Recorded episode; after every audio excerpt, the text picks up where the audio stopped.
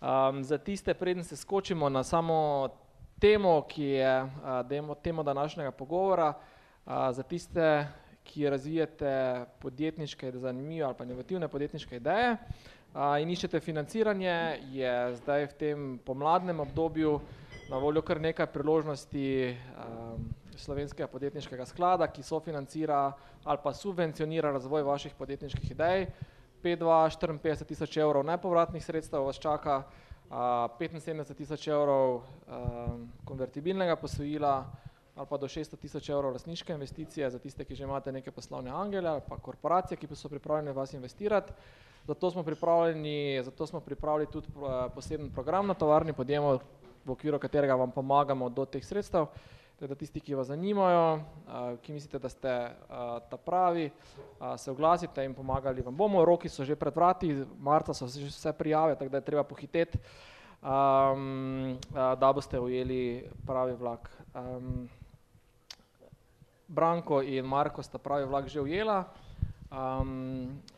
tako da se veselim pogovora, oba sta Mariborčana, delata v Ljubljani ali pa po svetu, tako da Branko in Marko, dobrodošla tukaj v Mariboru. Govorita prosim v mikrofone, imejte jih dovolj blizu, da vas bomo ja, ne v mariborščini, mariborščini. Zdaj, tema današnjega pogovora je, kako, kdaj in zakaj iskati denar pri investitorjih. Zdaj, zakaj sta Branko in Marko več kot relevantna sogovornika na to temo, bosta razkrila v kratkih predstavitvah, zato vsakega izmed vaju prosim za kratko povesta, kdo sta in s čim se ukvarjata.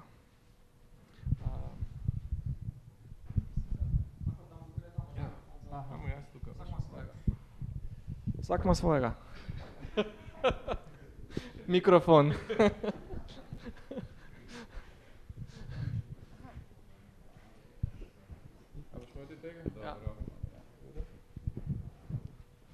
Izvoli, Branko. Aha.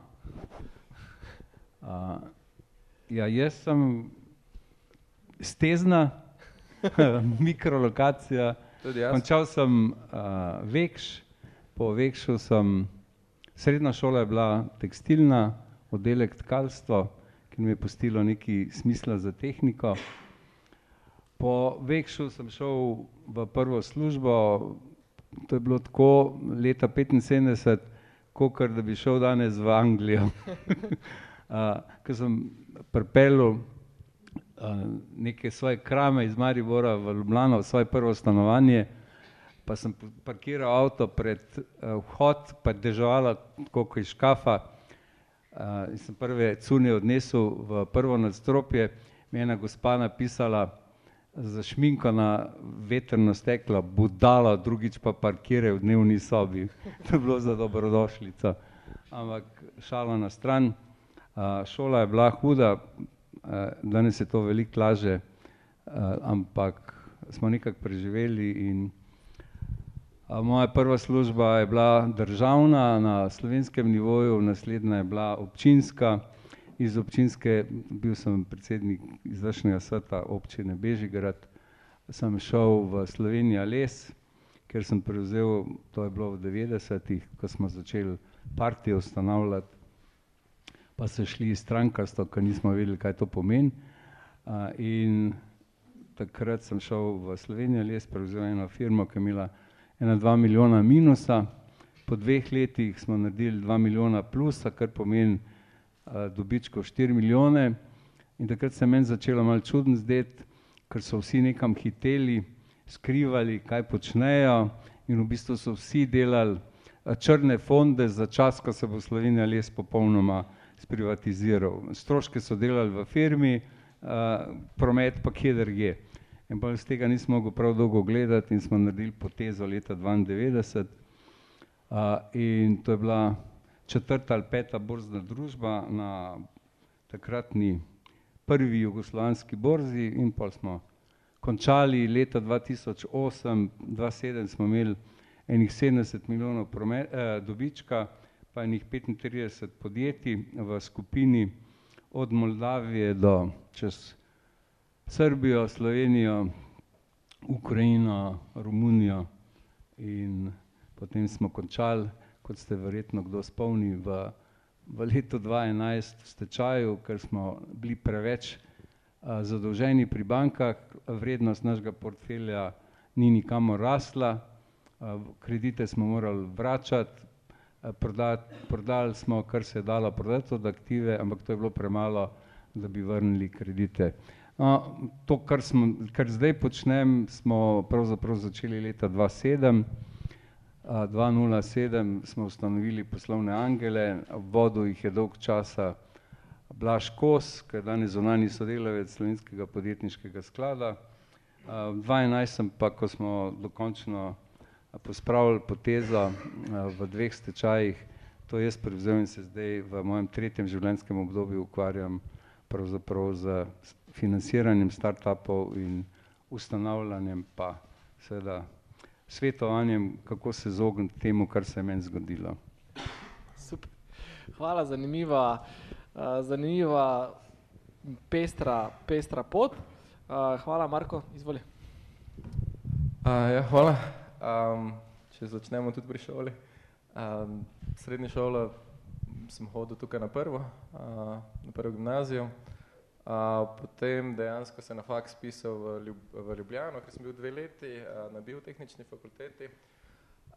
in potem v tistem tretjem letniku šel na Erasmus, kar vsem še danes toplo priporočam, ker je bila sprememba predvsem ne vem, v v načinu razmišljanja, v tem, da si, da si že pri dosti mladih letih z mednarodnim kadrom skupaj, kar se mi zdi, da ti dosti da. pa mogoče ena zanimiva zadeva, takrat smo v tistem letu, mislim, bilo dva sedem, smo s slovensko ekipo študentov se prijavili na eno tekmovanje IGM, no, to se mi zdi tako neki začetek, ko sem začel razmišljati o podjetništvu. in to je bilo, to je bilo tekmovanje na MIT-ju v Ameriki, kjer je kjer je Univerza v Ljubljani takrat dobila prvo mesto v zdravju in medicino pred Princetonom, Harvardom itd., no, takrat, takrat sem jaz že vedel, da pač jaz bi rad bil podjetnik oziroma rad bi nekaj naredil, no. in potem recimo medtem ko sem zaključeval magisterij na Nizozemskem, iz v bistvu iz molekularne biotehnologije, sem med zimskimi počitnicami, ko je ravno en teden priletel nazaj v Ljubljano, ustanovil podjetje, a ne, ki, ki je prvi zaplet je bil zelo tako smešen, no, podjetje se reče Gym Planet, a ne. in pač sodišče nam po par dnevih zavrne ime Gym Planet, ker ni, ker je tujka, a ne, in potem zato imamo mi v Sloveniji, mi imamo Gym Planetov štiri po svetu, imamo podružnice, ne, so vsepovsod Gym Planet. Ampak v Sloveniji je pa tako, da smo Gen E-planet, zato ker to je pa toliko boljše. takrat je bila prva zadeva, da je sodišče zavrnilo ime. skratka nato smo v, ravno v času te krize, ki je prihajala, smo nekako iskali investicijo, pa tudi z vami smo se pogovarjali, pa ne vem, zakaj nismo skupaj prišli. Bomo treba Blaža vprašati. Možno, možno, možno, ampak smo dobili drugo investicijo. nekaj sto tisoč evrov takrat, kar je bilo super, in potem je pač zadeva zelo, zelo, zelo počasi rasla, mislim res muke, prvih pet let so bile muke, muke, muke. pol pa se je počasi začelo razvijati, no, zdaj recimo, ne vem, pri, saj bom povedal, kaj delam. V bistvu, kaj se, kaj, s čim se Gym Planet ukvarja, recimo pri sedemindvajsetih letih, torej po petih letih, sem ustanovil drugo podjetje v Španiji s partnerjem, v bistvu en del študija, v bistvu, ki sem ga delal, je bil v v Ameriki, v Silicijevi dolini, zadevi se reče Singularity University, to je v bistvu univerza, financirana tudi strani Googla, Autodeska itd. in tam z enim dobesedno sošolcem sva ustanovila podjetje, ki se mu reče Universal Diagnostics v Španiji, trenutno je podjetje v Madridu. zdaj, to je bilo po petih letih, no, takrat je tudi Gym Planet začel rasti. Gym Planet se ukvarja z genetskimi testi, Gym Planet se ukvarja s tako imenovanimi screening genetskimi testi in, in lifestyle genetskimi testi, od tega, kako se naše telo odziva na prehrano, šport, do tega, do tega, kakšna dieta nam ustreza, do predispozicij za bolezni, od tega, kako se odzivamo na, na določena zdravila itd. drug del recimo je pa tudi testi za nosečnice v, v desetem tednu nosečnosti, recimo lahko ugotovimo, a ima otrok Downov sindrom. Laboratorij imamo tukaj zelo blizu v Zagrebu, že nekaj časa. tako da trenutno smo v fazi zelo recimo intenzivnega razvoja, ker želimo lansirati eno novo storitev, ki se reče Health Intelligence, ki upam, da bomo zdaj končno dali na trg nekje v roku meseca dni. gre pa predvsem za kombinacijo genetskih testov, krvnih testov, kasneje tudi integracija s pametnimi napravami, od pametnih ur do telefonov itd. Tako da v bistvu več, več nekih nivojev a, zdravstvenih podatkov, ki bi jih radi zbirali, zaradi tega, da dejansko z nekim data science kasneje ugotovimo, a, kako najbolj zdravo živeti. Um, drugo podjetje Universal Diagnostics se ukvarja v bistvu z diagnostičnimi testi, s krvnimi diagnostičnimi testi, ker dejansko vzameš vzorec krvi a, in v bistvu kot, kot, kak bi rekel, kot igla v seno iščeš ene molekule, ki, ki zaznavajo raka v zgodni fazi. No. Mislim, da smo v tistem podjetju zdaj zbrali, a, mislim, da že v 20 tisoč kliničnih vzorcev iz, iz, iz vseh kontinentov. Um, in dejansko potekajo klinične študije, zato se zadeva da na trg, je pa v bistvu screening test, torej namesto, da recimo imaš kolonoskopijo, ki je zelo, zelo, zelo neprijetna zadeva, to pomeni dobesedno, da se črevo pogleda s kamero, da ne želi tega, ampak mi pač razvijamo krvni test uh, kot nek presajalni test, kar pomeni, da če zaznaš, ja, le, če zaznaš raka v zgodni fazi, ni ga zdravila na tem svetu kot toliko učinkovit, kot če ga zaznaš raka v zgodni fazi, pač to je dejstvo in to je naš value proposition. Ne? Um, tako da tam to, to drugo podjetje se ukvarja izključno z zdravstvenimi, zdravstvenimi testi, uh, ki bodo upane na trgu v roku leta do dveh. Uh, zdaj, ker se tiče financiranja, Jim Planet je zbral leto popolno zdaj 10 milijonov strani švi, švicarskega sklada. Uh, Universal Diagnostic je do zdaj zbral, mislim, da skozi 5-6 rund več kot 20 milijonov evrov uh, za razvoj tega. Uh, v bistvu zelo intenzivno, zelo intenzivno je treba vlagati v razvojne raziskave. Um, tako da to je to, no, zdaj, jaz mislim, da smo na prvih 15-20% kaj delamo, bomo videli, kaj gre dalje. Mogoče samo še to, um, tak, eh, ok, investicija 10 pa 20, eh, koliko pa, kako pa zdaj stane podjetje, torej koliko imate zaposlenih, na koliko trgih uh, delujete, pa okay. če neki recimo rang prihodkov, če lahko že o tem govoriš. Uh, Uh, je pred Jim Planetu tak, mi rastemo nekje 50-60% na leto, uh, kar želimo povečati recimo. Um, zaposle, lani smo zaposlili 100 ljudi v firmi, uh, kar je norišnica, dobesedno, predstav, ne, Urban predstavlja si, da vsake teden podpišeš dve pogodbi o zaposlitvi. Res pa te ni, dve, dva tedna na teden te pa ni, recimo, v Sloveniji. Um, za, da smo lani zaposlovali, smo enih desetih držav zaposlovali, uh, zdaj prisotni smo lokalno v enih 15 državah, medtem ko z distributerji nekje na 35 državah.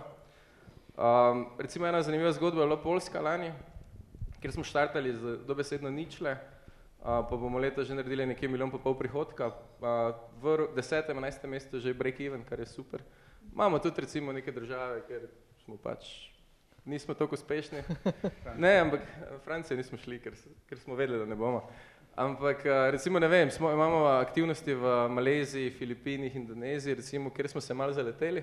Um, pač Tok je drugačna kultura, tok so drugačna pravila, drugačen pravni sistem, drugačen finančni sistem, drugačen način dela z zaposlenimi. E, in tam smo zdaj nekje deset mesecev, on pa gre, je nek trend, tako da bo pa dlje trajalo. No? Ena zanimivost je tudi, da smo, da smo, da smo celo začeli, sem za hec dobesedno, zato ker smo odli videti, da znamo ali ne, a, smo zaposlili par ljudi v Nigeriji in se nam tudi zdaj nekaj delna prodaja, ampak to je tok, veš, to je 200 milijonski trg, je pa tako, da, da, da je pač še vedno dost, dost nezaveščen in tam mi dobesedno nas gledajo kot norci, kaj bi mi radi prodajali. Ne? Ampak nam se tudi začetki kažejo, tako da nekateri trgi gre hitreje, nekateri trgi pač trajajo dlje. Ok, to, ko ste rekel 50-60% na rast, pa še več bi želimo, pa še več moramo. Um, zakaj, kdo ti postavlja te metrike, kdo ti postavlja, ti investitorji postavljajo te zahteve, uh, si sam postavljaš in uh, torej zakaj ta številka, ki si omenil, ne? da šest to ni dovolj. Uh... Jaz mislim, da je kombinacija. Mislim, ena stvar, recimo, um, kar je zanimiva, no, recimo, kaj si sam postavljaš, ko delaš uh, poslovne načrte. No? Jaz pravim, da vedno je ena, ena stvar je resnična v poslovnem načrtu, da se to ne bo zgodilo. Ne? Mhm. ja, več mislim... Sam procent je vprašanje. Ja, mislim, sej, nam se je zadnja leta dogajalo, da smo, da smo bili bolj konzervativni od tega, kar se je zgodilo. Samo mojih prvih sedem poslovnih načrtov je bilo pa totalno preoptimističnih. Ne? Um, Tako da te cilje, zdaj recimo, ne vem, mi, smo, mi pravimo temu serije A v Gym Planetu 10 milijonov, koliko želimo serijo B zbrati, ki mora biti občutno višja, je pač rast 50, po mojem osebnem mnenju premalo, mislim, da bi mogli priti na 90, 100, no to je tudi cilj za 2021 recimo. Ne. Z tega vidika si sami postavljamo z nekim namenom. No. A, je pa res, da pri Gym Planetu smo malo, smo zadevo naredili dosti konzervativno, zaradi tega, da se ne bi zgodili ra, razna presenečenja in smo rasli, sicer je 50-60 dost, ampak smo vseeno rasli s profitom. Ker pomeni, če mi, mi vemo, da če hočemo zdaj pač rast več kot 100%, da ne bo profita, enostavno mm. ga ne more biti, zato ker moraš to vlagati v, v, v mm. samo rast. Cool. Um, hvala in super in čestitka za to, kar ste dosegli, to je res kapo dol.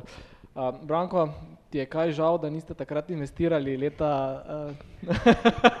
Kaj bilo 2-9, 2-8? Veš, kolikrat mi je žal, recimo, mi smo imeli na mizi male junake, ki so pred petimi leti iskali 350 ali 450 tisoč evrov. Moj kolega eh, iz poslovnih angelov Kopač je investiral in je danes milijonar. Meni se pa to zdelo tako, kako boš delal slikanice v času digitalizacije. On pa dela slikanice, uh, ki so personalizirane za otroke, za podobo in zgodbo tistega otroka, ki mu je slikanica namenjena. In je bum, naredili so ga v Ameriki in zdaj le dvigujejo dodaten kapital, rastejo tudi ko uh, crazy, mogoče malo bolj kot celo kot ti in so uh, vse čas uh, pozitivno poslujejo, kar pomeni delajo z dobičkom. Uh, že od vsega začetka, od prvega, prvega leta. Okay, zdaj, če se vrnemo malo nazaj, torej, um, uh, poslovni angeli, uh, vi ste klub, torej združujete um, torej, bogate ali pa premožne posameznike, ki imajo uh, denar in voljo in čas uh, investirati uh, svoje višjih sredstev v inovativne, uh, recimo podjetniške ideje, kot je recimo um, uh, Marko in ekipa. Um, kaj so nekaj vaši kriteriji, uh, kaj iščete, uh, kaj vas odbije, kaj vas pritegne, um, da bomo imeli malo občutek.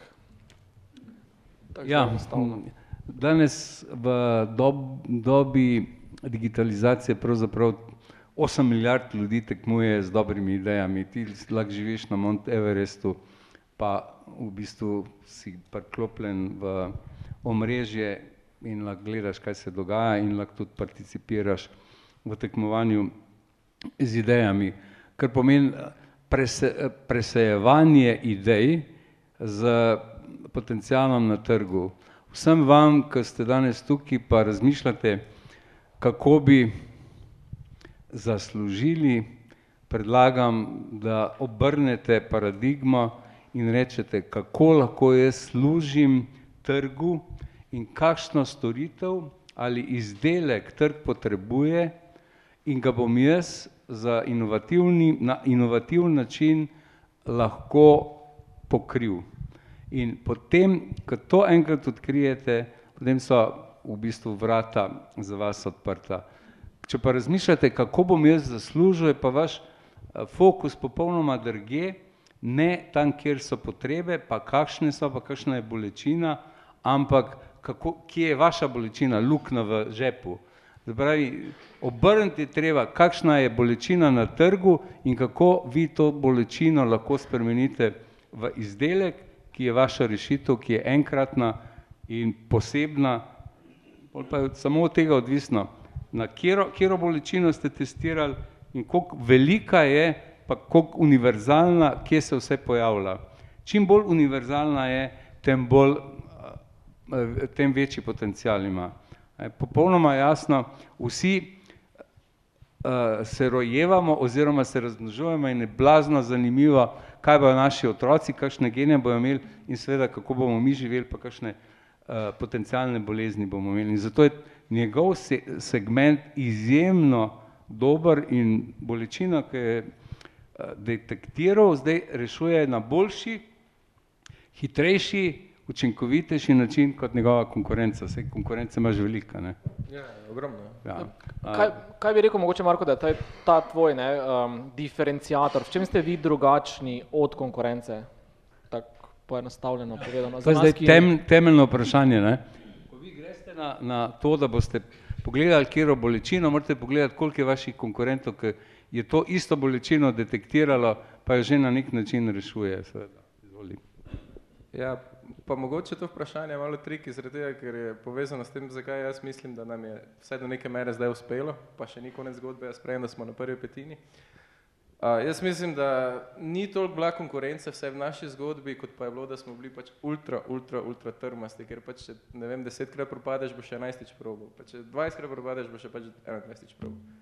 To je, jaz edino v to verjamem, no, mislim, to je, pr, to je kar, kar se zdaj tiče, veš, mi smo mogli uspeti na nekem trgu, ki je bil nerazvit, no, mi smo, dejansko se pogovarjamo z vsemi ljudmi, ker smo bili mogoče celo prehitro na trgu na začetku, kar je mogoče čisto res, no. Ja. Ker prav, v Sloveniji je bilo par poskusov, pa so vsi crknili. Ti si prav cajt prišel. V Sloveniji smo, je nekaj časa je bilo več firm, ki je hotelo to narediti, ja, pa, pa dobro, pustimo druge firme. Um, kar se pa tiče zdaj, je pa, je pa shift iz tega, da, da dejansko mentaliteta v podjetju pa je, da moramo imeti zdaj najboljši produkt globalno. Zdaj spremem, mi smo na prvi petini, ne? če je bila v preteklosti vztrajnost, no, moramo zdaj imeti najboljši produkt na svetu. Mislim, mi imamo kapital, imamo ljudi, ogromno zaposlujemo, zelo talenta, izjemno sposoben kader. Um, zdaj pa pač ni več onega, pardona, zdaj pa ne bomo, mislim, zdaj pa ne bomo mi uspeli v, ne vem, Nemčiji ali pa ne bomo na Filipinih uspeli, pa ne bomo v, na Kitajskem uspeli ali pa v Ameriki, ker smo vztrajni, ampak zdaj moramo imeti najboljši produkt, ker tam pa je druga konkurenca. No. Gremo mi v Ameriko, to so podjetja, ki imajo sit kapitale tudi po par sto milijonov, veš, in kako lahko mi z njimi tekmujemo, če nimamo najboljšega produkta. Ne? Tako da je, je nek shift od tega, kjer je bila neka vztrajnost v to, da je zdaj mora biti tale mantra v podjetju najboljši produkt, nič druga. Pač mi moramo imeti, mislim, na, na, naš produkt je najboljša interpretacija človeškega genoma na svetu. Zakaj pa to? Ker um, pomembno je, kaj se v naši panogi dogaja. Včasih je, bilo, je bil cilj, da si ti dejansko naredil v laboratoriju analizo, si sekveniral, zdaj pa to prihaja v data science. Uh, in, in, in mi v bistvu kaj delamo je, da smo tranzicija med biotehnološkim podjetjem v digitalno podjetje. Uh, recimo ogromno kadra na področju IT-ja, zaposlujemo ogromno kadra na področju data science. Um, in, Ja, ja se, seveda. In zato pač mi, mi, mi gremo, da smo včasih smo gledali delčke genoma, kar je bilo poceni, a naslednja tranzicija je pa, da bomo gledali celoten genoma. Ne? In potem boš sam enkrat se testiral, recimo dan se testiraš, pa greš, ne vem, do, do enega podjetja v Ameriki, da ti prednike naredijo, potem greš do nas, da ti naredimo, ne vem, en diagnostični test za raka, greš do enega tretjega, ti naredi test za športa. Ne? A, je pa tak zadeva, da ko pa enkrat ti posekuniraš celo, celo, celoten genom, pa imaš sam v bistvu algoritem in sam klikneš in je nek dodaten strošek, ki je nič. Ne? In v prihodnje gre za demokratizacijo rečemo, genoma oziroma sekveniranje genoma. Vsak bo slejko prej upoznal. Ne? Jaz ne povedujem, da čez pet let bo otrok imel svoj genom, preden se bo rodil. Ne? In je tudi možno, že je dokazano. In pač zmagalo bo tisto podjetje, ki bo imelo najboljšo interpretacijo, ki bo najboljšo podatkovno znanje, največ podatkov, največ data scientistov. In, in to je tisto, kar mi hočemo narediti. Naš cilj je narediti najboljšo interpretacijo genoma na svetu. Ne? In še enkrat, zato spravim, mi imamo nek switch v industriji uh, in če mene vprašaš, mi so na prvi petini, prvi desetini podjetja. Ne? Okay. Ampak, ko govoriš o vztrajnosti, ne? Mi, mi smo se srečali z Markotom prvič 2.7, ki je bil, ko ste bili finalist izbora Startup Let, 2.8, pardon, 2.8 um, in zdaj, kaj vas je v bistvu motiviralo, da ste vstrali, vstrali, vstrali teh dolgih 12 let oziroma da niste odnehali v tistih prvih petih letih, ker to je malo kontra te neke startup mantre, fail fast, uh, ne, preveri in dela novo idejo, če ta ne uspe, ne, to je v bistvu kontra, kar ti govoriš. Mislim, mi smo tudi v poslovnih modelih pivotirali, ne, mi recimo smo eno podjetje, ki dela dosti business to business v našem sektorju, kaj ni ravno značilno za naš sektor. Um, mislim, fail fast, ja, vse je, to je kot da greš v Silicijo dolino, pa njih poslušaš, ne, vse, to je to. To se tudi poslušal, ne, cel čas. Uh, Pogovoriš nazaj v Evropo, v Slovenijo, pa ni čist tak. Um, mislim, kaj te motivira, pač jaz, jaz, jaz ne morem, to ni v meni, da bi, da bi, da bi priznal poraz, pač ne bom nikoli priznal. To to, tako da bom pač delal, dokler ne boš uspela. Ok, cool. Torej, ali na mostu s, s Ferrarem ali pa pod mostom uh, v kartonasti škatli. Uh, okay. uh, Branko, vaša naloga investitorjev uh, je, da prepoznate take uh, supersonične karakterje in osebe, kot je Marko, in uh, v bistvu v njih uh, investirate uh, denar. Zdaj, kaj so tisti, torej, ok, eno smo že govorili, diferencijator, ideja, trg, da je, um, koliko investirate, kaj v to zahte, v, zahtevate v zameno, malo nam to neko tehnologijo razloži. Ja, Marko je lepo povedal, kdo, kdor investira v njegovo podjetje, pravzaprav investira v njega in v tisti ožji tim.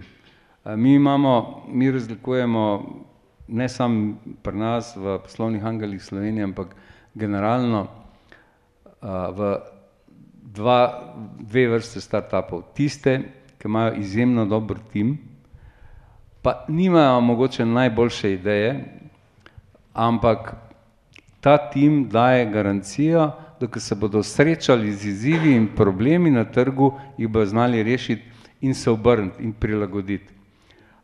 Tudi vi v tovarni podjemov in v SPS-u pravite, Slovenskem podjetniškem skladu, blazno pomembno je, da so startupi oziroma njihovi timi učljivi. Ne zaradi tega, da bi poslušali starejše, ampak zato, da bi poslušali trg. Vam bom povedal primer. Mi smo imeli, jaz sem investiral v neko podjetje, ki se je imenovalo Double Recall.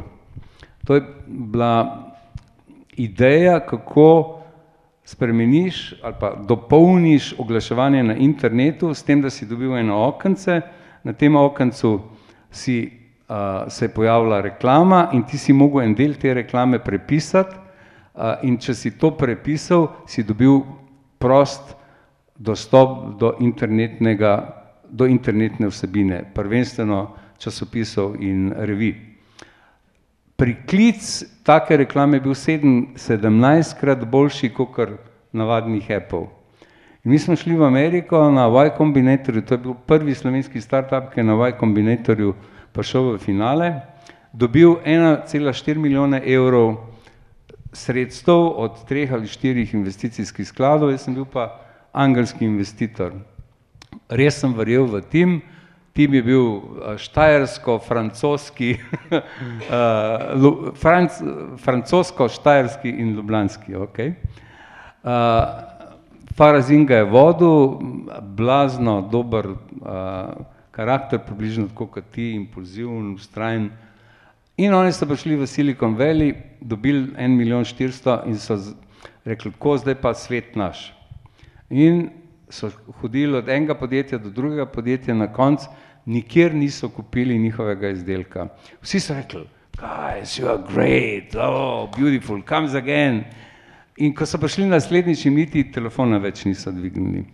Na koncu jih je šef Y Combinatorja vprašal po devetih mesecih: "A ste kaj prodali?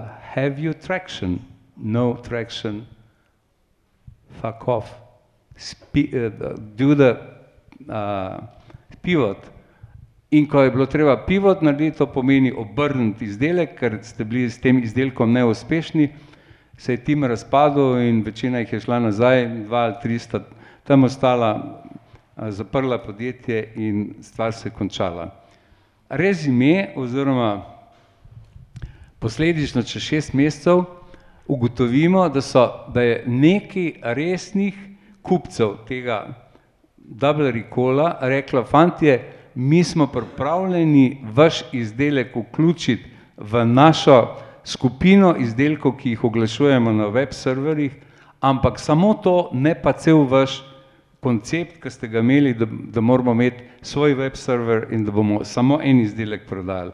In vsega tega niso investitorjem povedali in so v bistvu zaradi nekega neposlušanja trga zamudili priložnost in kasneje smo to hoteli popraviti pa prodati IP, se pravi samo industrijsko lastnino oziroma ta model, je bilo že prepozno. Se pravi, pomembno je poslušati trg. In zato mi iščemo vedno startupe oziroma time, znajo, ki so kompaktni in ki so adaptibilni, ki znajo poslušati trg in ki znajo reagirati na njega tako navzven kot navznoter, ker vedno je ta dvojna dinamika. Okej, in na hitro, kako zdaj ti prepoznaš ali pa prepoznate tak tim, v katerega investirate, kako poteka ta proces, kam se lahko obrne nekdo, ki je danes tukaj, uh, tako zelo konkretno enostavno? Moram reči, da sem zelo presenečen, da je toliko ljudi, pa da tako zauzeto uh, sodelujete, vsaj po mimiki obrazov, kar ni običajno, če gremo na Gorensko, pa če smo v Ljubljani, je tam enih par zdolgočasenih tipov, ki na pol spijo, zeha in se dolgočasijo, ne vem sploh, zakaj pa navad prihajajo, ampak ja, uh, prvo, kar morate imeti, je uh, predstavitev, mi temu rečemo pitch deck. Oziroma, tudi če to ni tako formalno, morate imeti idejo, kaj katero bolečino naslavljate, potem naslednja stvar je, kako, s čem to bolečino rešujete in tretja, takoj zelo pomembna, kakšna je konkurenca na reševanju te bolečine. Nikoli niste sami, izjemo, izjemno redko se to zgodi, praviloma imate neke konkurente, ki so direktni ali indirektni. Nič drugega ni treba kot pogledati, pa testira to vašo idejo na internetu. Na internetu, če nisi danes na internetu, te ni, danes je marketing simple. In pol naslednja faza je, da ta izdelek ubesedite in ga probate evaluirati skozi ceno, ki jo lahko dosežete na trgu, se pravi vprašanje, kako bomo delali denarni tok, kaj bomo prodajali, za kakšno ceno, za kakšno razliko v ceni in koliko bo denarni tok. In ko se enkrat to vprašate, potem ste zelo hitri na tem, da realno ocenite sami, a imate šanso, da uspete. Če je vaša cena večja od konkurentov, če je vaša eh, edinstvena razlika ali pa prednost na trgu ni za 30-40 odstotkov boljša od konkurence, potem boste, glede na to, da štartate danes, konkurenca je pa že na trgu, zelo težko uspeli. Kar pomeni biti poseben, prvi, če, če ne drugi sledilc in seveda imeti neke prednosti, ki jih drugi nimajo. Okay. Še eno vprašanje. Uh, kaj mora podjetje imeti, da ga vi jemljete resno, ko uh, razmišljate o investiciji? Torej, v smislu produkta, ali je to prototip, ali je nič, ali je že razvit produkt, so to prve stranke, so to prihodki, kaj, kakav? Najlepše povem to v, na primeru. Če ste znanstveni, uh, znanstveno raziskovalni delavec, če ste z fakultete, z univerze, z inštituta, je dovolj zelo dober, zelo dobra rešitev, ki je bila znanstveno potrjena, validirana v smislu možnosti patentiranja. Če ste startup, ki validira potrebe na trgu, to pomeni, da imate dobro opisano potrebo in da imate idejo, kako boste jo marketizirali oziroma kako boste svojo idejo prodali.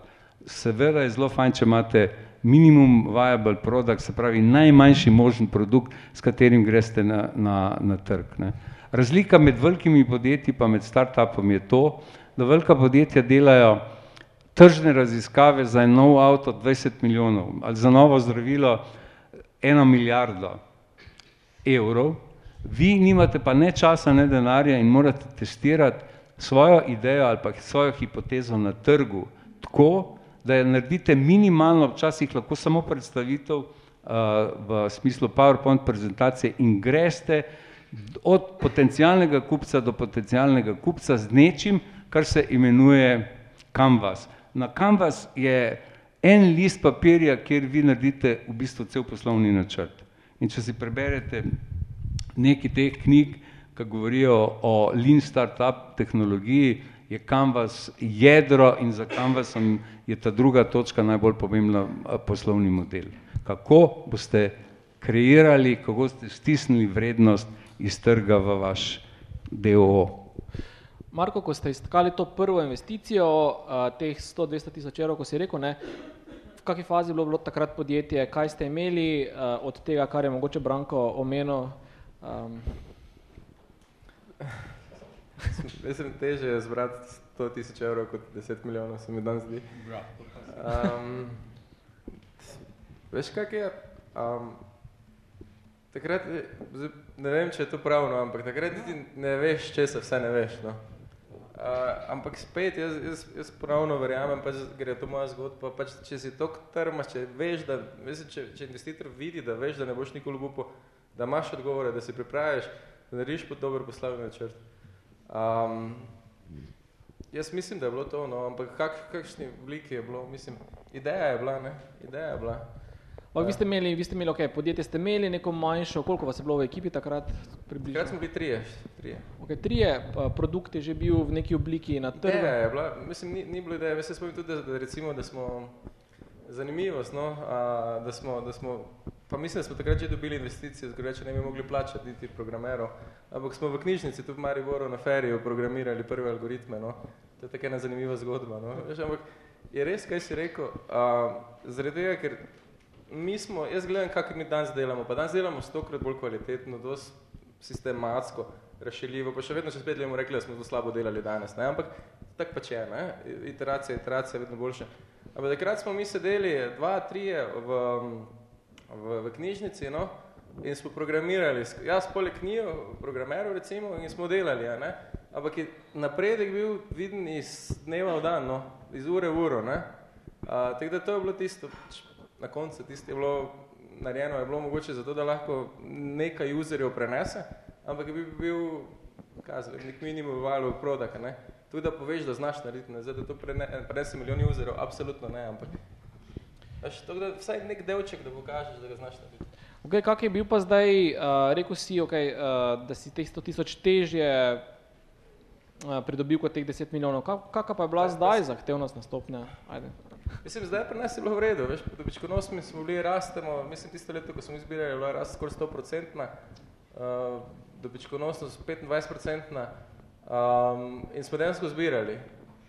Um, zbirali smo med različnimi, nekaterimi tudi celo slovenci, ki so želeli vlagati, uh, pa tri, štiri firme so bile, no, od opcije, da bi prodali firmo, do, to smo pač kategorično vedno zavračali, do, do tega, da, da smo pač potem zbrali nekoga, ki, ki nekako lahko, ki nekako, veš kaj je bil pri nas problem, ti imaš visije.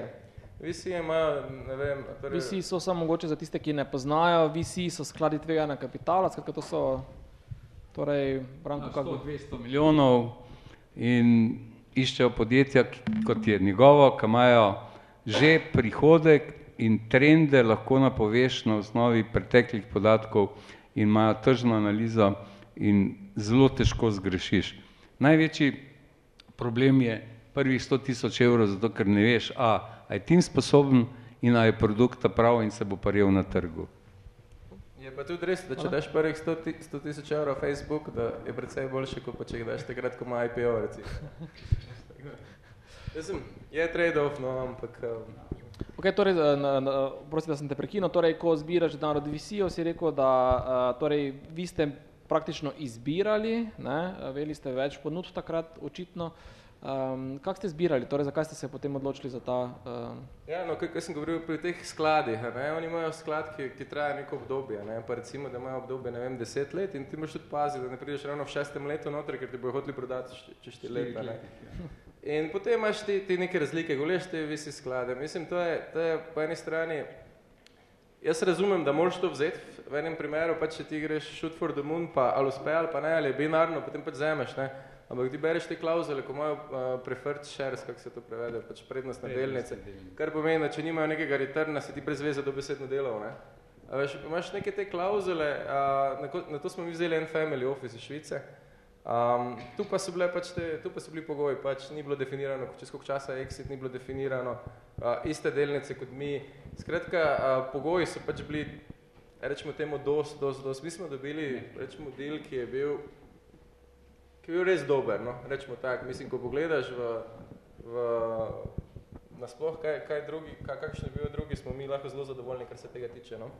Um, ko si rekel dovolj dober, pomeni kaj, da imate še vedno tisti osnovni ustanovitelji večino, večinski delež v podjetju ali uh, kaj, kaj? Ja, ampak to niti ni, mislim, to, jaz čez gledam, to, to, to, to so meni tako pomembno, no. Uh, pomembno je, da, da, da niso noter za dve leti, zato ker če ti imaš vizijo, ki ti traja pet do sedem let, želiš pač, da, da, je, da, da vse še toliko časa vztrajajo, uh, da potem niso neke klauzule, ki bi bile enostranske, ki ti lahko, ne vem, karkoli da.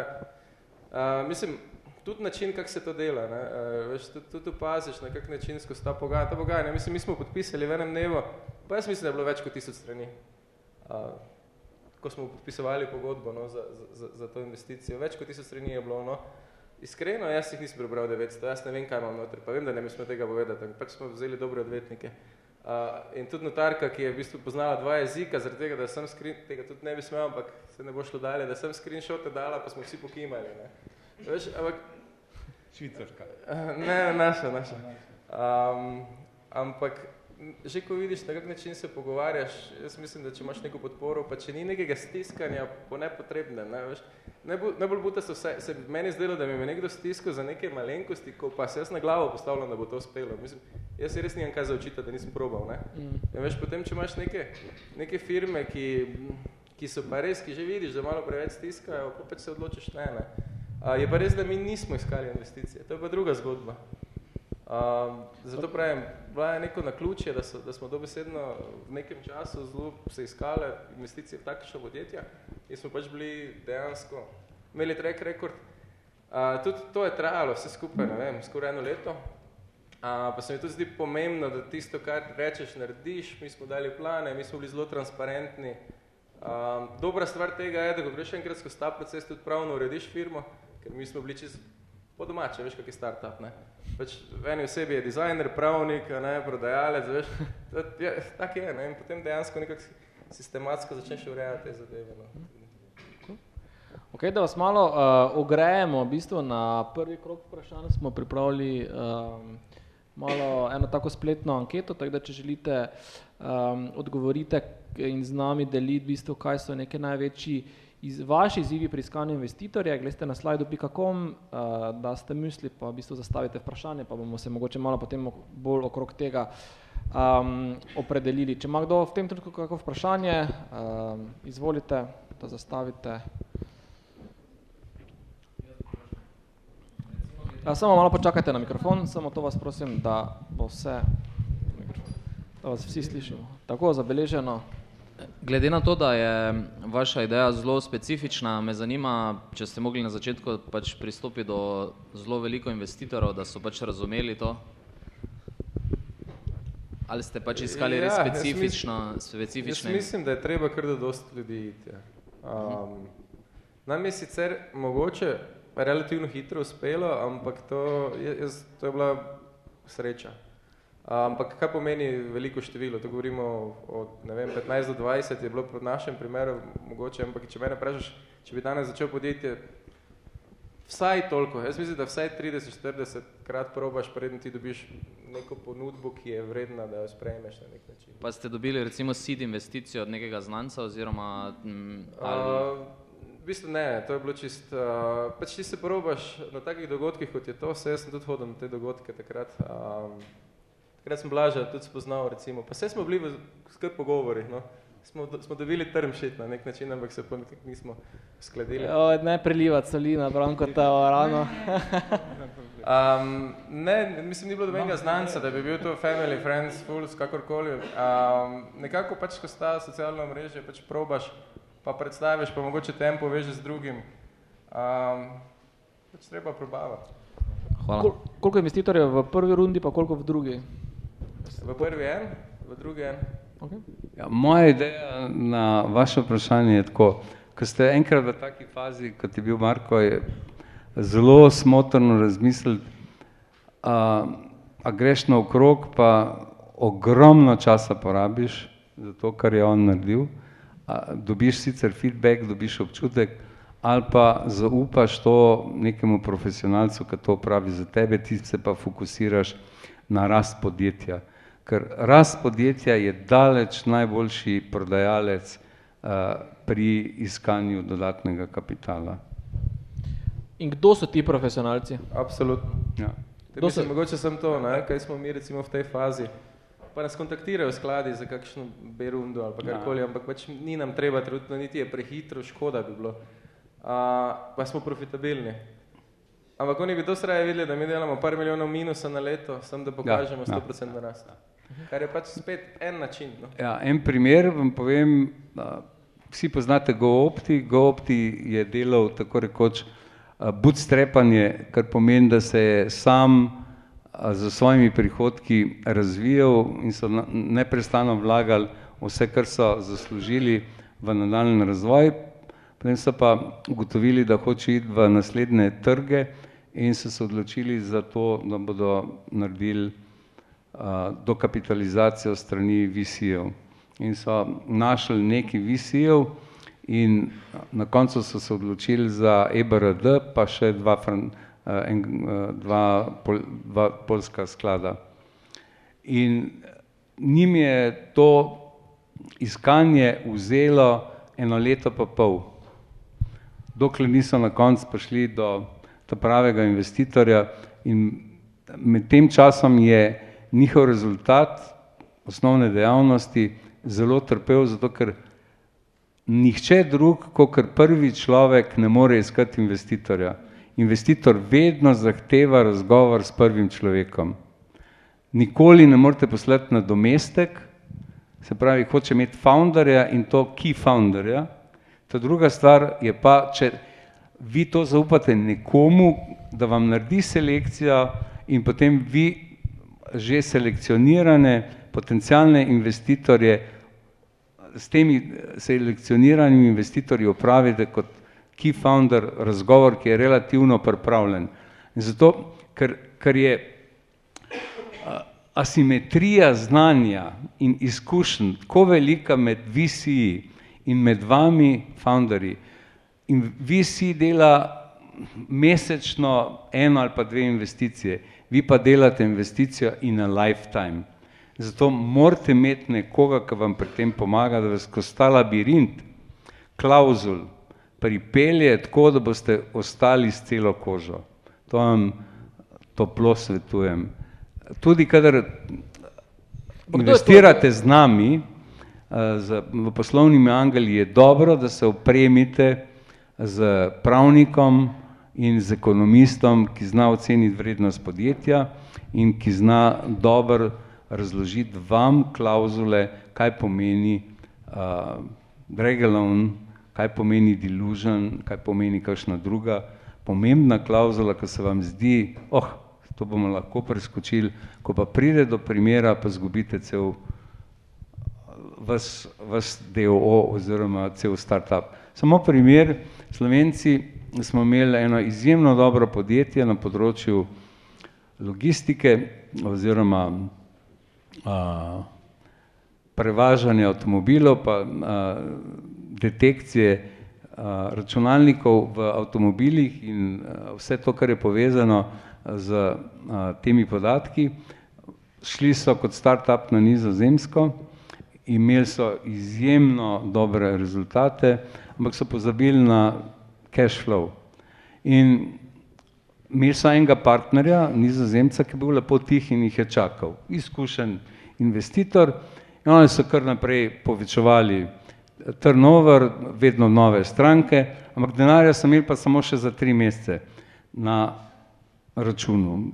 Tri mesece pomeni, da je že skrajni čas, da iščeš novega investitorja.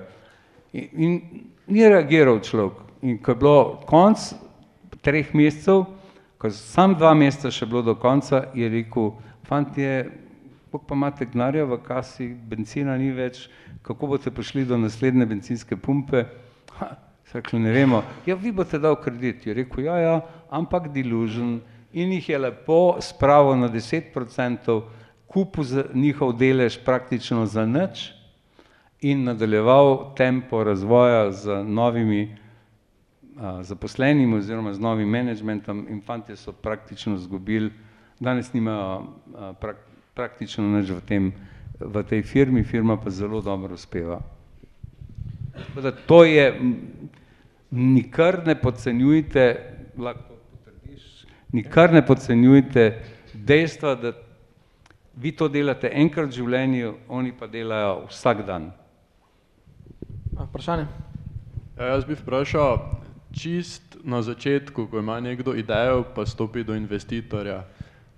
Kako natančno želijo investitorji vedeti za neke številke, recimo tak čist primer, eh, pri razvoju neke aplikacije ali pa platforme se, in, se oseba z idejo zaveda, da to lahko stane od sto do tristo tisoč evrov, eh, ne more pa imeti nekih natančnih številk, Zdaj pa kako kak to potem predebatirati z investitorjem, pa pod vprašanje recimo se da z, z investitorjem dogovoriti oziroma delajo investitorji tudi na tak način, da ne investirajo v celoti nekega zneska, ampak investirajo recimo vsak mesec x znesek, kar pokrije stroške, vem, najemnin, opreme, zaposlenih, če se ve, pač in to financira, dokler se neki produkt razvija. Ja, zelo dobro vprašanje. Se pravi, zadnja, iz zadnjega dela naprej, temu, kar si ti zdaj vprašal, rečemo convertible note. Convertible note je narejen tako, da se mi dogovorimo, koliko sredstev ti potrebuješ in ti jih bomo dali, vendar ti jih bomo dali na milestone. Ti pa rečeš, evo, v treh mesecih bom to pa to naredil od moje platforme, v šestih mesecih bom to in ti mi sprostimo naslednji uh, uplačilo, recimo, da je trikrat po tristo jurjev ali pa trikrat po trideset jurjev, ni, ni pomembno. V, pomembno pa je, da ti pri tvoji predstavitvi poveš kaj zgodbo, rekel, enostavno, kaj je tvoja zgodba. Prav, bolečina, rešitev in poslovni model iz te rešitve, kaj in kako boš generiral prihodke. In to je vse, kar je, lahko je to pet stavkov, lahko je to elevator speech. Lahko je pa petdeset strani, pa nič ne pomaga. Več kot deset do dvanajst slajdov je absolutno preveč. Uh, najlepše pa je, če to narediš na one slider, zato ker to je nekaj, kar mi rečemo teaser, ker ti v, v jedru poveš v to, kar bi sicer povedal meni od tretjega do šestega nadstropja. Toliko imaš časa, to je elevator speech in v tem one sliderju ali pa teaserju mora biti elevator speech, kaj rešujem, zakaj sem boljši, kako bom služil denar in kje je moj poslovni model. Pol, če to zagrabi, pol grem jaz to naprej brati. Jaz na leto vidim tristo ali pa štiristo poslovnih idej, ki so v taki ali drugačni obliki razdelane in verjemite mi, da nimam časa vsega brati, posebej, če so zelo raztegnjena besedila, ki ne povejo bistva. Zato je tako obnovo napisati tistega, kar imate v mislih, glavna stvar. Super, hvala. Um, Marko, lahko slišimo tvoj elevator speech? ja. Veš, da sem ga enkrat res posnel na, mislim, da je bilo na web summitu, ene dve leti nazaj. Imamo ta posnetek, samo ga hočem živo slišati. ne zbiramo zdaj denarja, veš? Dobro, no, pa tak, kak nekomu, recimo... A hočeš ga zdaj ali ga hočeš 12 let nazaj? Ne zdaj, ja, zdaj, zdaj. Zdaj, okej. Okay. Koliko imamo? Sekund 30? Um, Lahko v angliščini, kakorkoli ga pač. Ne, vse je okej, okay, vseeno. Um, podjetje, 12 let, tradicija, poprečna la v zadnjih petih letih 50 plus procentov. Uh, eden, ja, seveda. Uh, na, uh, eden najboljših uh, data scientist timov bo oziroma je v podjetju. Uh, naredili bomo najboljšo interpretacijo celotnega genoma, um, ki bo združeval celoten genom, uh, krne teste, ki jih lahko delaš doma, podatke iz pametnih naprav. Torej bomo imeli v bistvu štiri lejere podatkov, kar bo v bistvu um, skupek informacij, podatkov, ki bodo na trgu vredni enormne vsote in mi smo najboljša ekipa trenutno dokazano v, v, za track recordom, ki lahko to naredi. Okay. Branko? Make sense. Kakšna je razlika v ceni, koliko je vaša lastna cena, koliko je prodajna cena, koliko je marža po domače? Uh, naše gross margin, to govorimo gross, je 50-60%. Koliko? 50-60%. Odlično. A to si zapomnite, če, ma, če delate tehnično, tehnične izdelke, hardverske, morate imeti maržo 200, 300, 350, 400. Zakaj? Zaradi tega, ker vam bo požrla distribucijski kanali vam bojo požrli grozno veliko na te marže, uh, marketing vam bo požrl naslednjo, naslednji košček marže in pol vam bo relativno malo ostalo, kakor vaša lastna profitna stopna. In to morate vedeti, kje, na kjer trg vstopate in uh, kakšne, so, so pravila. Recimo uh, podjetje, vsi ga poznate, Čipolo, pa njihovo zgodbo, oni so šli na ameriški trg, podpisali pogodbo z distributerjem, ki je dal njihove krasne izdelke na polico in je čakal, da bodo kupci prišli. Kupcev pa ni bilo od nikoder. Zakaj? Ker nihče ni delal marketinga. Ker distributer samo podpiše ekskluzivno pogodbo in čaka, da boš ti naredil vse in da bo on zaslužil svojo maržo.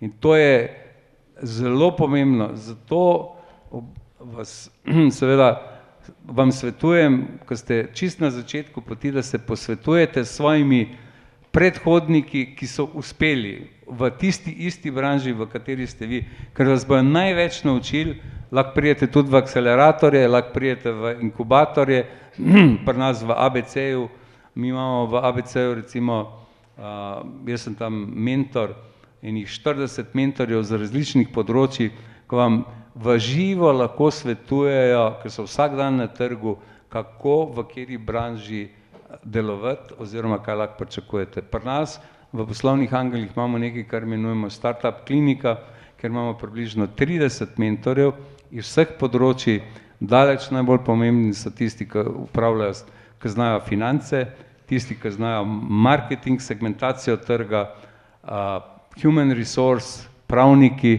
ki vam pomagajo, da ne zabredete, bodi si pri distribucijskih pogodbah, bodi si pri pogodbah z investitorji. Zdaj, um, ko smo vprašali, kateri so tvoji največji izzivi v procesu iskanja investitorjev, so največ tukaj eh, sodelujočih se odločilo za ne vem kje in kako iskati investitorja. Uh, kdo bo pomagal? Torej, kje in kako iskati jaz bi, jaz bi nekaj tu povedal. No. Ja, recimo, nam je tudi ogromno so nam koristili od P2 do podjetniškega sklada, do, do raznih spiritov.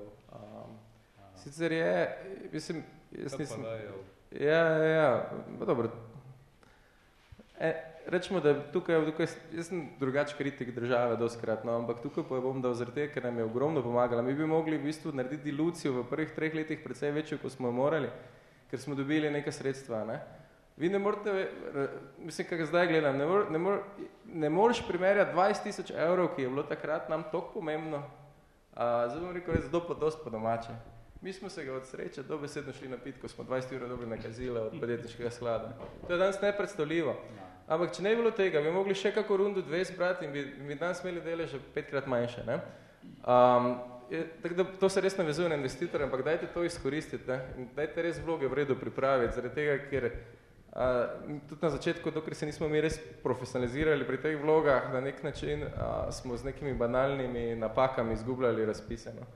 In za tehnološka podjetja vsaj Slovenija ima v redu poskrbljeno. No, lahko kombinacija investitorjev plus, plus tega, vsaka čas Slovenije, no, resno, kapo dol. Super. Um, kje in kako iskati investitorja, torej kje si ti, ok, ta, ta, ta family, švicarski family office, si, so oni tebe našli ali si ti njih našel? V tem primeru so oni nas našli. Ja. Okay. Kaj pa tiste prve? Yep. Ja, tiste prve pa pač si, vsakega, ko si poznal, si šel do njega, kaj lahko potem, ne, in potem pač se veš, ena stvar obstaja, da, da je največ sedem ljudi med vsako osebo na tem svetu in pač strajen moraš biti, a, kar pa, pa ne zamenjevati tega v strajen, tudi moraš imeti vse, vse poštimano, tako treba. Ne, recimo, ko sem šel na razgovor, mi niso rekli, da tega pa nisi naredil, pa da nisi vedel, kaj si tam napisal, poslovni načrt, a pa da nisi, nisi imel odgovora. No, pač jaz sem bil org pripravljen na zadeve. No. Uh -huh, uh -huh. Okay. Ja, ko običajno v Sloveniji vidimo, imamo eh, take investitorje iz, v družinskem krogu, ki znance in prijatelje investirajo, tega je zelo veliko in tega sploh pri nas nikjer ne beležimo. Uh, precej ljudi investira iz uh, ljubezni do startupov, uh, 20-30 tisoč evrov in dajo šanse startupom, sem jih zelo težko najdete. Organizirana oblika tega so poslovni angeli, seveda imate pa predtem uh, slovenski podjetniški sklad. Slovenski podjetniški sklad je zibelka startupov v Sloveniji, zato ker financira tisti najbolj kritični del, ko se boste vi ali oblikovali in dokončno uh, spravili skupaj tim, definirali in uh, raziskali trg, naredili mogoče minimum viable produkt. In če imate minimum viable produkt s 50 tisoč evri, kar je v softwareu relativno dob, dober denar in morate že kar lep izdelek narediti, če delate platformo ali kaj podobne, podobnega, potem je naslednja runda relativno enostavna. Bodi si čez inkubatorje, akceleratorje, poslovne angele ali druge, v Sloveniji imamo zdaj tri, imamo nekaj skladov in mislim, da se to področje širi. Neformalno vam svetujem, da pogledate, kdo so ljudje, ki so zmagali v Outfitu, vsi ti so zdaj pripravljeni investirati manjše denarje in podpirati nekaj zaradi tega, ker čutijo dolžnost, da vrnejo industriji, nekaj zato, ker mislijo, da imamo dobre ideje ali pa imate dobre ideje, pa so pripravljeni to podpirati z manjšimi sredstvi. Mogoče še to, prva investicija pa čisto začetna investicija, torej krog domačih vam bo to naredil tako rekoč za uslugo. Ko pridete enkrat do poslovnih angelov oziroma do organiziranih investitorjev, morate računati, da bo, da boste morali dati od svojega, od svojega deleža stoodstotnega podjetja dvajset procentov. In če boste potem rasli s temi sredstvi, ki ste jih dobili v naslednji rundi, še enkrat ali poslovni angeli ali pa kdorkoli, ki bo za njimi investiral, če dobro rastete, računajte, da boste spet morali dati dvajset procentov in potem ste tako rekoč pred VC rundo, kjer boste lahko dali od od deset do petnajst ali pa dvajset, če izkazujete rast. Ne vem, kako je v tvojem primeru bilo, ampak približno to je evropska statistika. In na koncu, če po parih rundah VC investicij pridete na IPO, lahko računate, da boste imeli med osem do petnajst procentov premoženja, zato je tako pomembno to, kar je on rekel, rasti hitro. Rast pomeni dodajati vrednost podjetju, in ko vi iščete naslednjo rundo investicije, boste manj svojega premoženja oziroma svojega deleža dali, zato ker je podjetje več vredno. In to je cela, to je cel mehanizem, zato ta rast, v, v kolikor želite res uspeti. Seveda je pa ta rast tudi zaradi tega, da na najboljša borba proti konkurenci je hitrejša rast od konkurence in to, to vam pol zagotavlja, da ste na varni strani. Mogoče še besedo ali dve o IP-ju, to intellectual protection. Ni property, ni pomembno, ali imate vse zavarovano, pa imate v bistvu patente, velikokrat se izkaže, da patenti niso kritični, ampak da je kritično osvajanje trga z znanjem, ki ga imate. Patent je pa lahko kvečjemu spodbuda za multinacionalke, da vas kopirajo in vas v pravnih postopkih pravzaprav onemogočijo. Hvala. Marko, kaj vidimo tukaj gori, to je en izmed teh vaših produktov, devicev. To še mi zdaj tako povej, čisto praktično, kaj deset let ali pa dvanajst let, kaj zdaj pomeni ta hitra rast, no matter what pristop, tako za tebe osebno kot kot Markota, kot osebo, kot z vidika dela, stresa, sploh spiš kaj, ne spiš? Ne, spim, spim.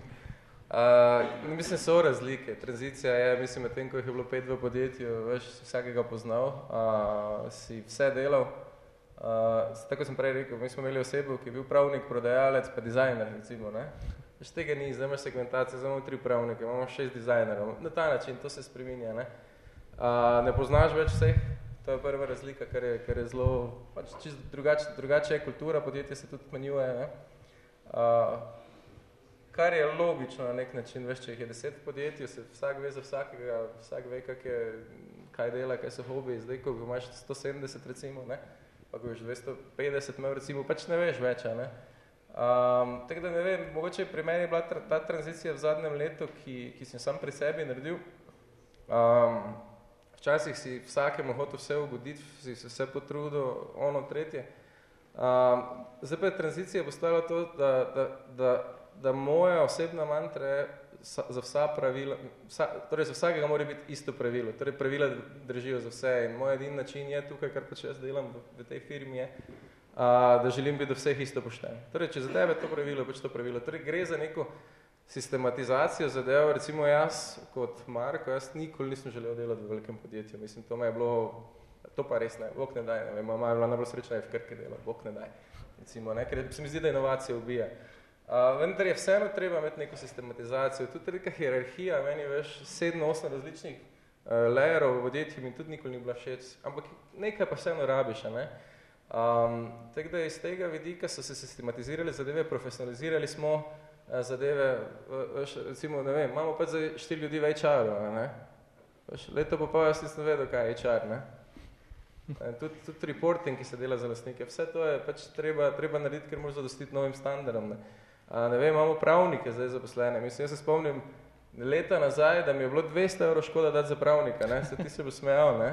Jaz sem imel srečo, ne? Ampak je res, zdaj imamo en kup stroškov s pravniki, recimo, ne? In pač pogodbe damo zdaj pravnikom pregledati, ne? Uh, oziroma pišejo jih ite, da, veš, meni je bilo smešno, mi smo začeli, ne vem, v začetku, kar je bilo zelo dobro delati za studio moderno. Mislim, meni je bilo to noro, mi smo se pogajali z njimi leto, pa pa oni so naredili ne vem koliko zgube, se mi je zdelo na njihovih pravniških, imeli smo pogodbo za 50-60 stranmi, ne? Pa veš, se mi bi isto v dobro storitev njim naredili, če bi se sam zmenil z direktorjem, ne? Ampak pač to je pa razlika med veliko firmo pa med malo, ne? Jaz si nikoli ne želim biti toliko velika firma na nek način, ne? Okay, kaj pa si želiš biti, samo na hitro? Uh, jaz si želim vseeno imeti neki agile pristop, pomeni v bistvu, da, da lej ti bom povedal, kaj je razlika. Tudi ljudi hodijo, tudi moderne k nam. Razlika je, da se mi v petih minutah odločimo, uh, pridejo k meni v pisarno, pa se odločimo. Ne rabiš imeti, jaz nočem imeti pravil, nočem imeti da trajajo odločitve 20. Mislim, jaz vem, ko se pogovarjam z nekimi tujimi firmami, pa, pa reče, kdaj sem se slišal. Pa odpre kalendar, pa reče, ha, vtorek, čez mesec pa pol, ne? Veš, ni variante, ne? Dajmo se slišati zvečer, ne? Veš? Torej, tak, še vedno mi, mi nimamo izbire, mi moramo imeti tako zaposlenih, ker drugače ne moramo delati, ne moramo rasti. Ampak tak korporativizem oziroma nek tak, uh, en mali delček, ja, To pa, to pa je tisto, ko me najeda in zaradi tega se mi stres toliko povečuje. Če bi to bilo v naši firmi, to bi jaz vsakem trenutku hotel preprečiti. Pa še vedno se kotički v firmi dogajajo, ki jih jaz ne vidim. Ne? Ampak, ja, to je, to je problem, ampak to recimo, to bi mi stres zelo zdvignilo. Ne? A druga zadeva, kaj je, je pa, da, da je toliko več stvari in da si lahko na nekatere stvari manj pozorna. Ne? Kar pomeni, jaz bi zelo rad delal ogromno v razvoju, pa tudi mogoče nekaj meseca nazaj sem, veš pa, pridejo trenutne operativne zadeve, od, ne vem, prodaja tam, a, razvoj tega, del za tem laboratorijom, veš, in potem si pleten v te zadeve, tako da on reče, na nekatere sestanke pač lahko grem sam jaz, ne. Um, tako da, čeprav bi si želel biti ful v razvoju, ne morem biti, recimo to je ena zadeva, ki se spremeni. Ko podjetje raste, mora narediti procese in tisto, kar je najbolj pomembno, obstaja zlato pravilo, ko podjetje doseže od 12 do 15 zaposlenih, morate začeti planirati, morate začeti delegirati in morate začeti kontrolirati. Ne morete več vse delati sami in ne morete več delati po tem principu vse nosim v glavi oziroma v svojem mobilniku. Treba je stvar strukturirati. Samo tako boste lahko rasli. To je zgodba, ki jo je vam povedal. Zdaj je strukturiran in v tej strukturi on oblikuje poslovno, poslovno politiko, planira in seveda tudi kontrolira, ali se dogajajo stvari ali ne in na ta način to pa more biti z reportingom, če ni reportinga, ne moreš kontrolirati. In to je ta krok uh, poslovanja, ki ga je nujno potrebno spostaviti v manjši meri, ko si mejhan, ampak čim 15 presežeš, moraš to postaviti v fundament, potem lahko pa si dobre osnove postavil za hitro rast. Hvala. Mm, čas se nam kar izteka, tako da dajte izkoristiti za kako vprašanje. Tam vzale, Andraš, samo mikrofon počakamo. Bodi tako prijazna, Andraš pa stopi to malo, da sproti naši Karmen. Hvala. Ja, živijo, dobro večer. Um, v bistvu me vprašanje, vprašanje za oba. Um, kako gledate v bistvu na sam HR, torej samo zaposlovanje uh, v hitro raztočem podjetju? Torej, na začetku so founderji, kjer pač delajo brezplačno, potem dobijo neko investicijo, se lahko zaposlijo. Recimo. Um, ampak kako pa potem naprej? Um, Gary V. scena, Hirefest, Firefest ali skrbno izbrani prvi del, pa tudi potem kasneje, kako jih dejansko nagrajevati. Ker pač nekdo, ki stopi zelo zgodaj, torej vem, pri peti, šesti, sedmi zaposleni, um, je sprejel kar močno tveganje, še posebej, če recimo profesionalec in z določenega področja. Torej, kako neke profesionalce, strokovnjake privabiti najprej v podjetje in potem kako jih tudi ustrezno nagrajevati, uh, ker verjetno deležev jim kar ne moreš talati vse poprek. Tako, kako vidite zaposlovanje? Hvala. Bolj kompleksno vprašanje je, kot se zdi. Um, zakaj? Zaradi tega, ker je, mislim, pri nas lahko povem, da mi smo študenti zgradili podjetje um, in je čisto drugačna pričakovanja. Pa najbrž ni bilo najbolj pametno, ne? če bi takrat imeli ljudi, ki so bolj sposobni, veš, mislim, bolj, ne bolj sposobni, narobna beseda, a, ki so bolj izkušeni, bi nam lahko mogoče do stvari prišparali. Ne? Ker pač, če smo mi začeli neke stvari delati, nekdo pa jih deset let dela, recimo, ne, ti lahko pri prodaji pomaga, ti lahko pri marketingu prodaja. prodaja ne? Um, kar se tiče, recimo zdaj mogoče, ko gledamo na HR, um, ena statistika je, uh, da, da, da ne moreš, da dobesedno bilo kaj probaš, ne veš, kak se bo oseba, ki jo zaposliš, stekla. Vsi, mislim, ti, to, to, to, so, to so HR študije.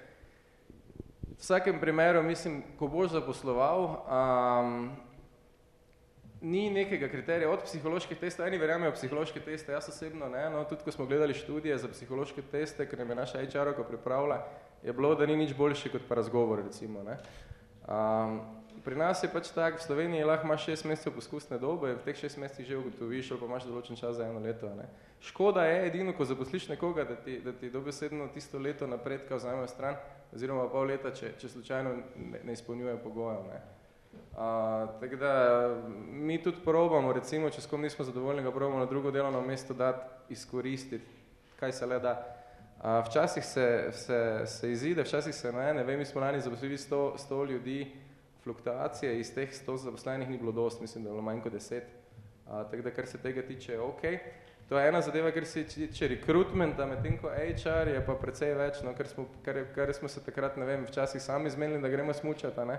je to zdaj cel postopek, da ti privabiš ljudi iz vseh držav, pa da pridejo sem, pa da imaš izobraževanje, pa da imaš vse to.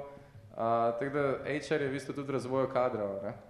Um, in ta del recimo se zdaj pri nas dosti bolj aktivno dela, kot se je. Pa še nismo tam, ker bi radi bili, ampak bomo pa do konca leta dosti napredka to naredili. Um, ne vem, če sem ti odgovoril, ampak se mi zdi, da je, ne vem. Nag, nagrajevanje, torej nagrajevanje vodstvene ekipe, novih zaposlenih, motiviranje, mogoče še to, ta del sem zasledil v vprašanju. Um, kar se tiče Uh, mislim, tudi odvisno tudi zdaj, recimo, zdaj smo v tej fazi, da lahko precej več plačamo osebe, tudi ki pridejo iz, ne vem, iz multinacionalk, pa so tam na bord nivoju, recimo, ne, pa pridejo k nam. Um, kar se tiče, uh, je, je pa tak, da ne zamenjevati višino plače, uh, pa, pa koliko je dob kader ali pa kje je delal, pa veš, to se mi zdi dosti pomembno, ker nek, jaz ti povem, da smo imeli kadre, ki so imeli izjemno visoke plače, pa se niso išli. In pač a, mi delamo na način, da če je nekdo dober, pride na pozicijo, ima takšno plačo, če se pa izkaže, pa zelo hitro raste. To je moja osebna teorija. Vsi začnejo nekje tu nekje, tisti, ki se pa res izkaže, pa, pa predvsej hitreje raste v plači. Variabilni, ampak tudi, tudi fik se po, povečuje, ne? kar pomeni, da začetek, mogoče tudi, tudi dosti ljudi pride k nam dan danes, a, z, z, z tem, da pride z nižjo plačo, kot je imel v prejšnji firmi. Tisti, ki se pa res, ki se pa na glavo postavijo, da delajo, ki so korektni, pošteni, delavni, ki se res trudijo, ki dobro delajo, tistim se pa zelo hitro dvigne. Okay. Nagrajevanje v lasniških deležih, opcijah? Ja, zdaj pa bom probal kaj povedati. Uh, glede na to, da ste tukaj vsi na začetku in razmišljate o lastni poti v lastnem podjetju, bi vam dal neki na dušo ali pa na srce. Najprej morate ugotoviti, kdo ste vi, pa kakšni ste vi. To je, lahko naredite s testom, lahko vprašate znance in prijatelje, kako vas vidijo. Ljudje imamo eno tendenco, da sebi primerne karakterje zaposlujemo. To je zelo narodno, zato ker v podjetje morate spraviti ljudi, ki imajo različne kompetence in ki so po svojem značaju različni. Imamo raziskovalce, imamo podpornike, imamo uh, vztrajnike, imamo lovce, imamo mesarje, imamo skladiščnike, kakorkoli, tako pravi HR. Nihče ni samo eno, ampak ima eno značilnost pomembno. In zelo pomembno je, da vi kot a, začetnik podjetja najdete ljudje, ki so, ljudi, ki so vam kompatibilni, ne pa vam enaki. Čeprav običajno si želimo istega karakterja. Ta druga stvar, ki je izjemno pomembna, je, ko začnete rasti, morate gledati, kakšno strukturo potrebujete po funkcionalnem, v funkcionalnem smislu, koga potrebujete za to, da boste dosegli cilje. In ne iskati tega med znanci in prijatelji, ker boste na koncu razočarani, ker ne bo dobavo rezultate, zgubili boste eno leto na funkciji, ki je zasedel, pa zgubili boste prijatelja, kar vas bo uh, emocionalno zelo veliko stalo. Kar pomeni, iščite za human resource outsourcanim podjetjem tisto, kar vam manjka in se posvetujte od vsega začetka. To je moj, moja osebna izkušnja. Dokler nismo prišli do tam enih 40 zaposlenih, v potezi smo vse delali tako z zunanjimi, ko imate med 50 in 60 zaposlenih, pa delate HR že v hiši, je nujno potrebno. Mi smo naredili nekaj, kar se imenuje 360 stopinsko analizo vseh zaposlenih in jaz sem bil ta prvi, ki sem se dal testirati, zato da, sem, da so mi povedali, kdo pravzaprav sem in kakšne ljudi moramo okrog sebe imeti, da bomo lahko uspeli. In to se mi zdi, da je izjemno pomembno. Marko bi še kaj dodal, oziroma še eno vprašanje, podvprašanje ali vi nagrajujete z lastniškimi deleži uh, oziroma imate neki pač ta stock option pool? Uh. V nekaterih primerih ja, je po Sloveniji izjemno težko to, ker ni pravno urejeno in to je, to je problem zaradi obdavčitve, enormen problem. Um, ker si obdavčen dobesedno, če bi komu želel dati, si obdavčen takoj. Kar pomeni, da je po firmah, ki dobivajo investicije, je, je, je market value znan. Uh, in če bi zdaj nekomu dali pač dobesedno delnice bi on moral takoj davek plačati. To pa je, to pa je spet ona kritika Slovenije, ker včasih ne gre. Na začetku se da to dosti lahko urediti pri, pri startupu, mm -hmm. kasneje pa že malo težje. No? To je edin problem. Okay. A, kaj bi zdaj to resno svetoval tistemu, ki začne, kaj naj naredi, da kasneje ne bo imel teh težav? Kak, kak rešiti ta problem? Firma na Cipru. Pol ne boš dobil P2, gled. Uh, je kakšna možnost v Sloveniji, da to rešite ali je pač edina varianta? V Sloveniji smo, je startup okolje naredilo razgovore z relevantnimi ministrstvi in smo naredili smo program za odpravljanje tistih najbolj v nebo pijočih disproporcov, ki jih imamo vizavi ostalih.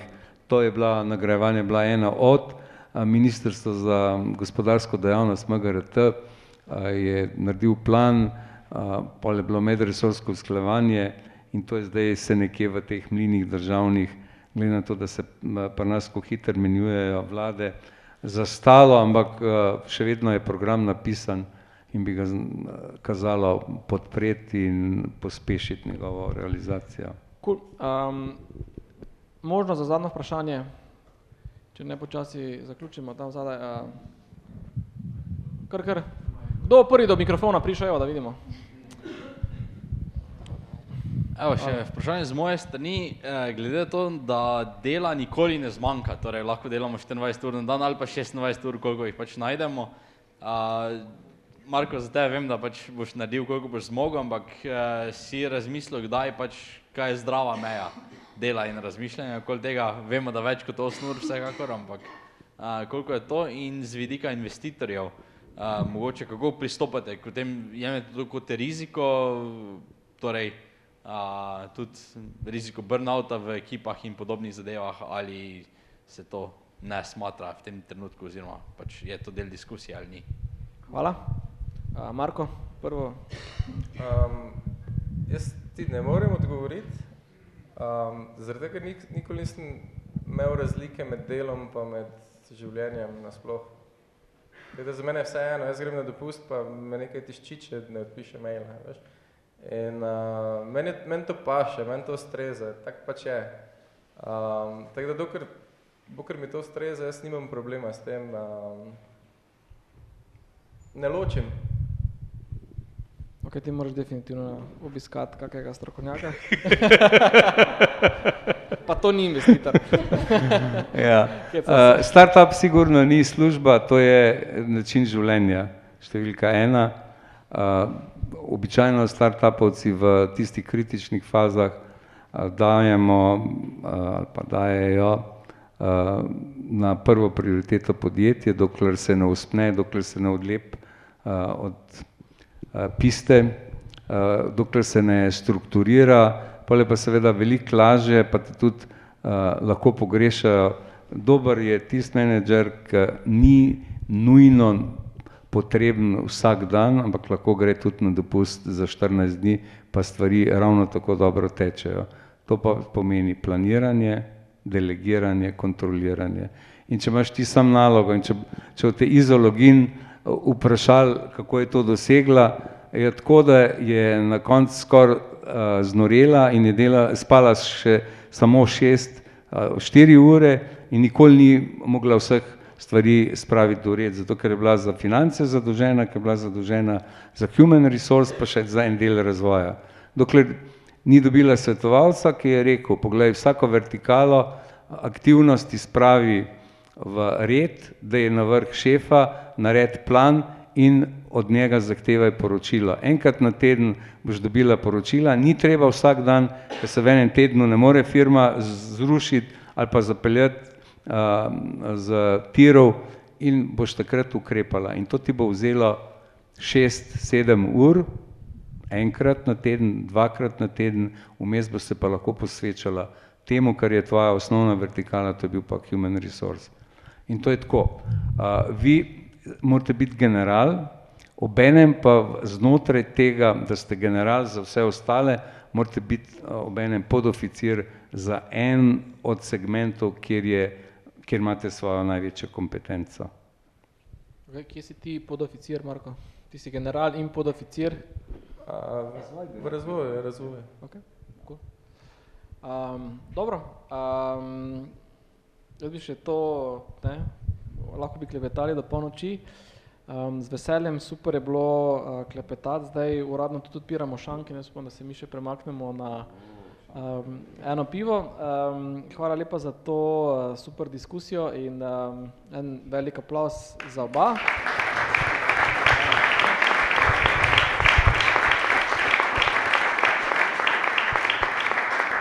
In seveda čim manj, uh, torej Marko tu čim več uspehov na podjetniški poti, Mark, Branko tudi pa tudi čim več uspehov pri iskanju, čim manj zamujenih priložnosti kot je Marko. Uh, lep večer še naprej.